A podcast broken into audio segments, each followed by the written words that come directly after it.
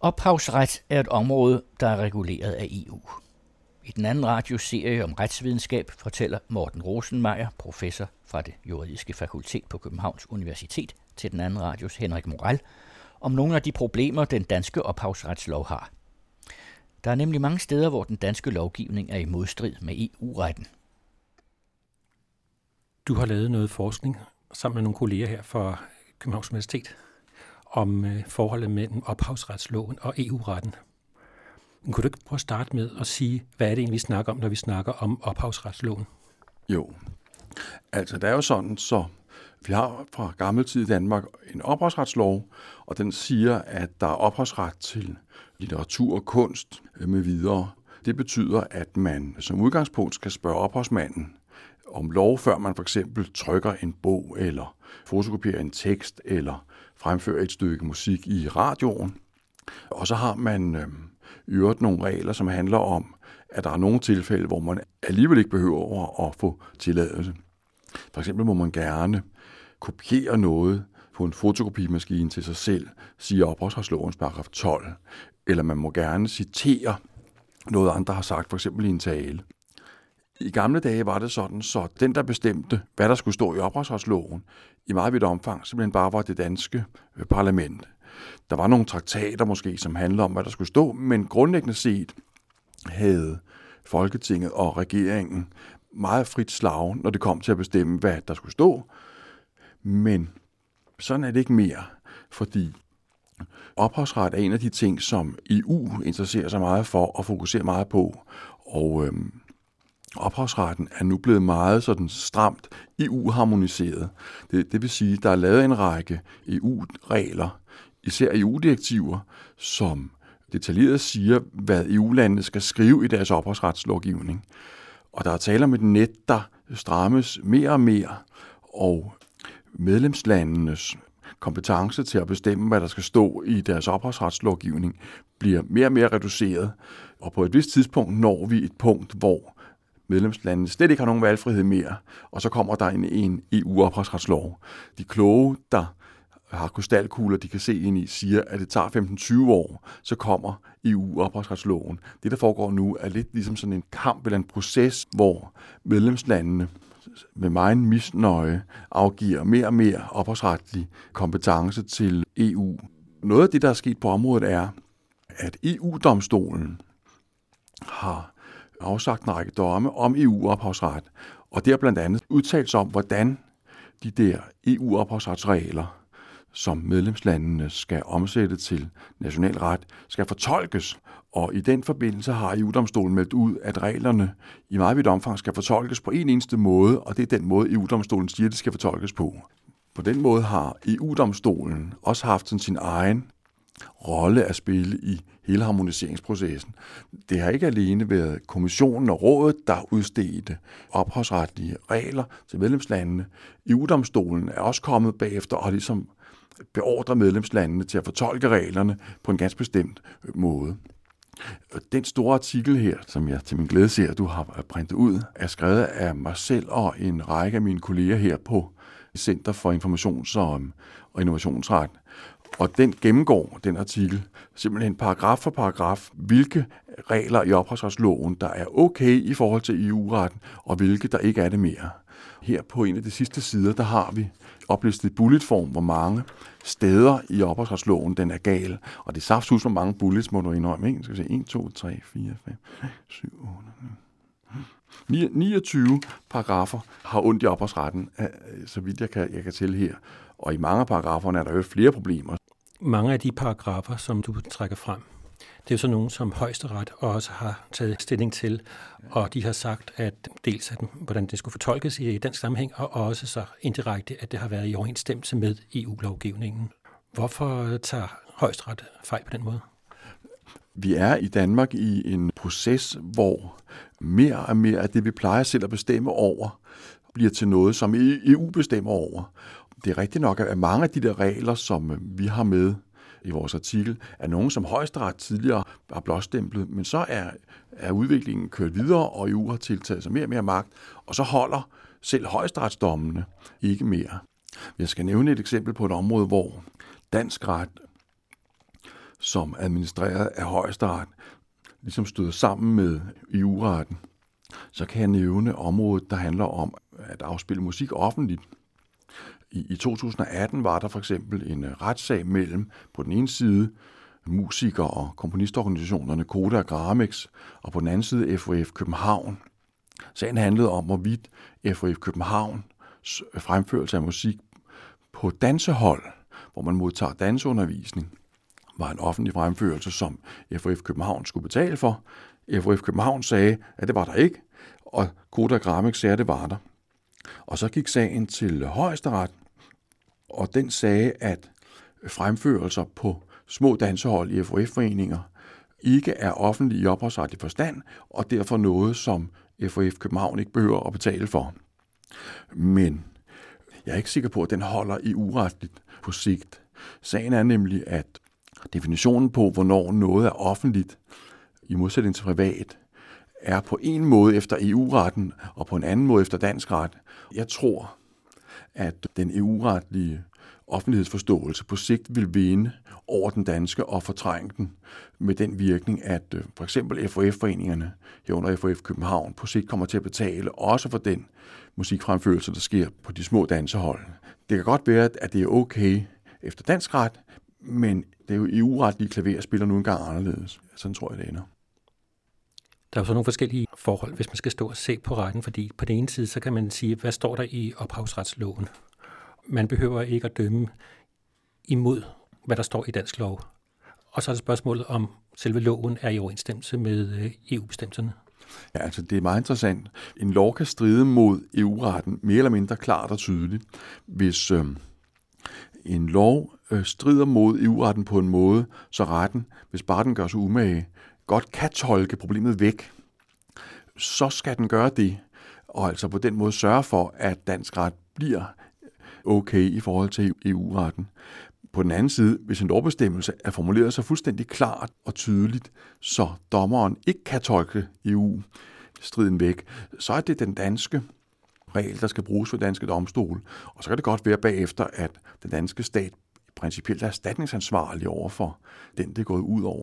Der er en underlig ting der. De fleste af de tilfælde, hvor den danske ophavsretslov har EU-retlige problemer, langt, langt de fleste, kan domstolene godt tolke sig ud af.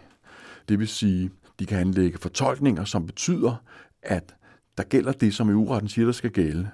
I mange tilfælde vil det være noget meget mærkeligt noget, fordi det vil kræve fortolkninger, som ligesom i høj grad går på tværs af fornuftig og normal forståelse af, af lovteksten.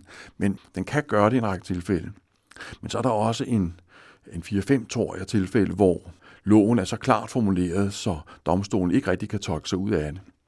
Hvis du spørger mig, så synes jeg, at Kulturministeriet skulle tage og gennemgå loven, og så ikke alene rette de paragrafer, der klart strider mod EU-retten, men også en række af de paragrafer, som domstolen egentlig godt kan klare selv ved tolkning.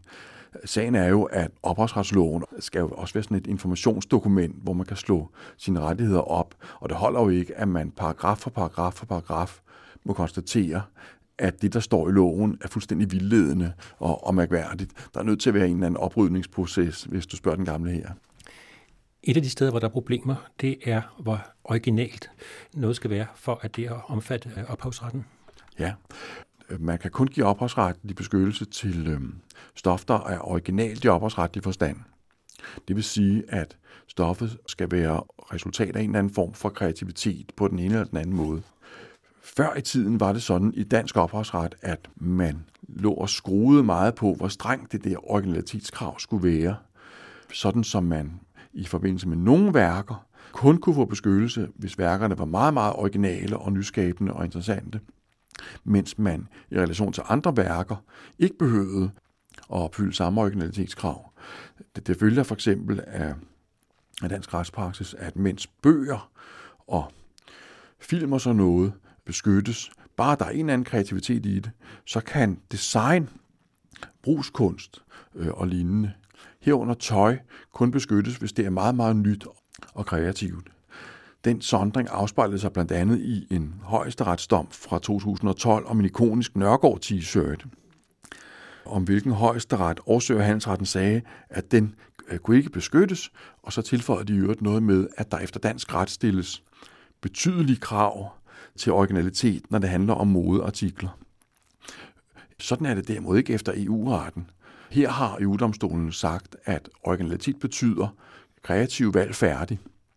Jeg er ret sikker på, at det betyder, at det nu i dansk ret er slut med at ligge og skrue på originalitetskravets styrke, sådan så for eksempel tøj kun kan beskyttes, hvis det er meget, meget kreativt og originalt. Jeg er ret sikker på, at øh, den der Nørgaard t-shirt, for eksempel, vejrer morgenluft øh, i øjeblikket, og den faktisk godt kunne få en ophavsretlig beskyttelse, til trods for højesteretsdommen fra 2012. Er det her udtryk for, at EU-lovgivningen og den danske lovgivning har to forskellige øh, fokuspunkter med beskyttelsen? Mm. Det er faktisk et meget interessant spørgsmål. De helt overordnede fokuspunkter med dansk ophavsret og EU-ophavsret er nu de samme. Det handler om, at man gerne vil give ophavsmænd og pladeselskaber og forlag og sådan noget en øh, økonomisk gulderod, som får dem til at frembringe og udnytte flere værker, end de ellers ville have gjort.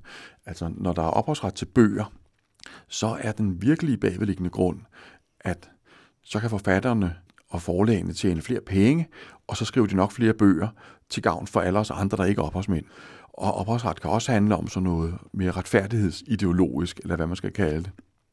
Altså nogle tanker om, at man skal belønne den skabende øh, indsats, eller den, der har gjort et stykke arbejde, skal også have en løn for det. De sådan helt overordnede fokuspunkter ligger om både bag EU-retten og, og dansk ophavsret, og i øvrigt ophavsretslovgivningen over hele verden. Det har altid været de ting, jeg her nævner, som har været grund til, at man havde reglerne. Men det kan godt være, at der er sådan visse forskelle i sådan den konkrete manifestation af, af de her fokuspunkter i dansk ophavsret og EU-retten. Det kan godt være for eksempel, at EU-domstolen er sådan lidt mere rettighedshavervenlig, eller sådan lidt mere kontant, når det handler om at slå fast, hvad beskyttes, og, og hvad skal der til. Den, den danske højesteret for eksempel har i sager om fremførelse af musik i en lang række domme udviklet en hel masse meget sådan nuancerede, finkornede kriterier, som betyder, at nogle fremførelser er offentlige, og så er der andre, der ikke er. Og så er det det måske alligevel. Ved EU-domstolen derimod har man nogle kriterier, som medfører en mere kort og klar og kontant vurdering af, er noget offentligt eller er det privat. Jeg, jeg ved ikke, om der ligger nogen særlig ideologi bag. Det kan også være, at EU-domstolens fortolkningspraksis er, er sådan påvirket af andre sådan landes retstænkning, og at det måske i virkeligheden er det, der er, er grunden. Jeg, jeg har lidt svært ved rigtigt at sige det. Jeg, jeg bliver nødt til at tænke videre over det. Der er et begreb, overføring. Hvad betyder det? Overføring, det er den særlige slags fremførelse, der sker, når en fremførelse er et andet sted end publikum. Det er for eksempel overføring, hvis en tv-station udsender en, øh, et tv-program via en antenne eller kabler. Overføring udgår så fra antennen eller det der kabel, mens publikum, der skal se tv-udsendelsen, sidder ude i de små hjem øh, ved aftenkaffen. Modsætning til overføring er i ophavsretlig forstand såkaldt direkte fremførelse. Det er fremførelse, hvor fremføreren er samme sted som publikum. For eksempel hvis en musiker spiller fra en scene til en øh, koncert, hvor publikum står foran scenen, ikke? eller hvis en lærer fremfører et værk for eleverne. Sagen er, at EU har harmoniseret, hvornår overføringer er offentlige, men endnu ikke rigtigt, hvornår direkte fremførelser er det. Sagen er så i øvrigt, at øh, rigtig meget af den fremførelse, der sker ude i, øh, i samfundet, nogle gange er overføring, og nogle gange direkte fremførelse. Jeg har for eksempel en fantastisk sød og dygtig forsøger, der hedder Iben. Hun spiller altså blød musik i sin salon, og noget af den der musik får hun fra Spotify, hvor hun ligesom streamer musikken ned, ikke? og det er overføring. Og noget af musikken, øh, tror jeg, hun har gemt i iPhone'en, og det er direkte fremførelse. Nu er det så sådan, at, når Stakkels Iben får en regning fra, øh, fra Koda, der handler om, at hun skal betale så og så meget i kvartalet, så skal man i virkeligheden ind og vurdere, om fremførelsen af den musik, der ligger i telefonen er offentlig, ved hjælp af andre kriterier, end den var med, man, vurderer, om streaming for Spotify er offentlig. Det er resultatet af den der højesteretsdom om FOF-foreninger fra før. Det er højst mærkværdigt og uholdbart på længere sigt. Og det er derfor, jeg siger, at jeg er sikker på, at i fremtiden, så vil man kun skulle bruge EU-kriterierne, når man skal afgøre, om der skal betales for musikfremførelse, uanset om der er tale om overføring eller direkte fremførelse, eller, eller hvad. Nu har du sagt EU-domstolen og hvad de har lavet af fortolkninger. Men nogle gange så er der en øh, uoverensstemmelse mellem direktivteksten og teksten i ophavsretsloven, hvor man godt kunne forestille sig, at der havde været den samme tekst. Altså, jeg, jeg tror faktisk nok, at man øh, i dag øh, fra den danske lovgivningsmagts side i højere grad simpelthen skriver direktivteksten af, end man gjorde i gamle dage. I gamle dage tror jeg nok, at det ligesom måske som en manifestation af medlemslandenes selvforståelse, som gik ud på, at de selv bestemte i vidt omfang. I gamle dage tror jeg, det i vidt omfang var sådan, at man skrev direktivteksten om, når man skulle omforme den til dansk lov. Det kan måske også være en af grundene til, at vi nu sidder med en ophavsretslov, hvor en række af paragraferne ikke rigtig stemmer med EU-retten mere. Men jeg så også eksempler på, at øh, det er ikke så simpelt at finde ud af, hvad direktivteksten egentlig er, fordi det, der er gældende, det er det samlede antal sprog, som øh, den er skrevet på. Ja, ja, der kan være eksempler på, at man har oversat direktiverne på forskellige måder øh, rundt omkring i, i de forskellige medlemslande, sådan så direktiverne til sydlandet får øh, forskellige mening. Og, og når det sker, så må EU-domstolen ind over og bestemme, øh, om der står det ene eller det andet. Det, det, det er sådan en følge af, at, at man ligesom respekterer, at, at medlemslandene må have deres egne sprog. Ikke? Man har lov til at tage andres værker og lave en øh, parodi på dem. Men øh, der er så også nogle problemer i forhold til EU-retten. Det står ikke rigtigt i ophavsretsloven, men man har altid antaget, at det var acceptabelt at lave parodier på øh, beskyttede værker. Det er ikke noget, der er forfærdeligt meget retspraksis om, men øh, der er lidt. For øh, et par år siden anlagde Gunilla Bergstrøm for eksempel en sag i Sverige. Gunilla Bergstrøm er hende, der har skrevet Alfons Åberg-bøgerne, og hun sad en morgen og lyttede til sin radio. Jeg forestiller mig, at hun sad i sådan et smukt, øh, rødt svensk træhus uden skovsø, og der kan næppe være tvivl om, at Stampe og Bambi og andre dyr har smilet ind til hende. Og så hørte hun i radioen, et radioprogram, hvor de havde sammenklippet sætninger fra Alfons-bøgerne med klip fra den danske film Pusher 1, på en måde, der gør indtryk af, at Alfonses engagement i narkotikahandel og voldskriminalitet og lignende lå væsentligt ud over, hvad man fik indtryk af ved læsning af de autoriserede hæfter. Når hun anlagde sag, den stakkels Gunilla Bergstrøm, og den bølgede op gennem retsinstanserne. Men til sidst fik hun en lang næse af den svenske høgste domstolen. Den sagde, at der var tale om en parodi, og så var det lovligt. Eller tag sådan et eksempel som øh, rytteriets sketcher, hvor de kører noget ind med penis, ikke?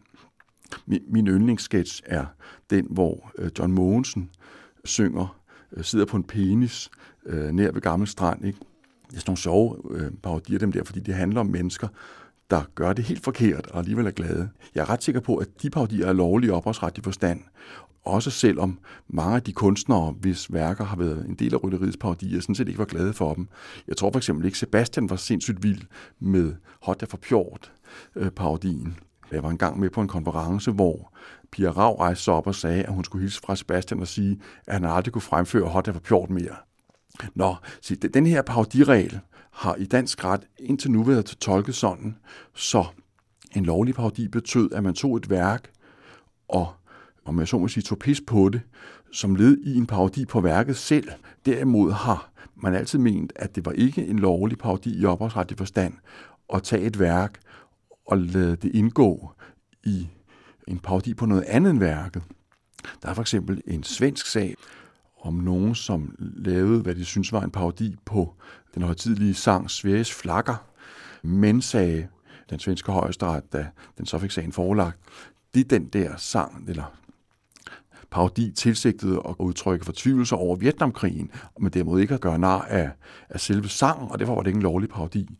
Eller et dansk eksempel. For nogle år siden anlagde Nana, hende med Afrikasangen, sag mod det konservative Folkeparti, efter at de havde brugt hendes Afrikasang på et konservativt vælgermøde med en ny tekst.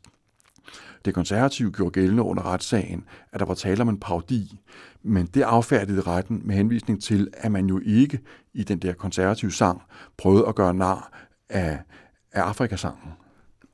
Se, det her princip med, at man kun lovligt parodierer værker, hvis det man tilsigter at gøre nar af, at det værk, der indgår i parodien, er en af de ting, der er blevet udfordret af EU-retten. Her har EU-domstolen nemlig sagt, at man gerne må bruge værker i parodier, også selvom det, man prøver at parodiere, er noget andet end værkerne selv. EU-domstolen øh, vedtog det i en dom, hvor nogen havde brugt en øh, ophavsretligt beskyttet tegneseriefigur i en karikaturtegning af en politisk modstander.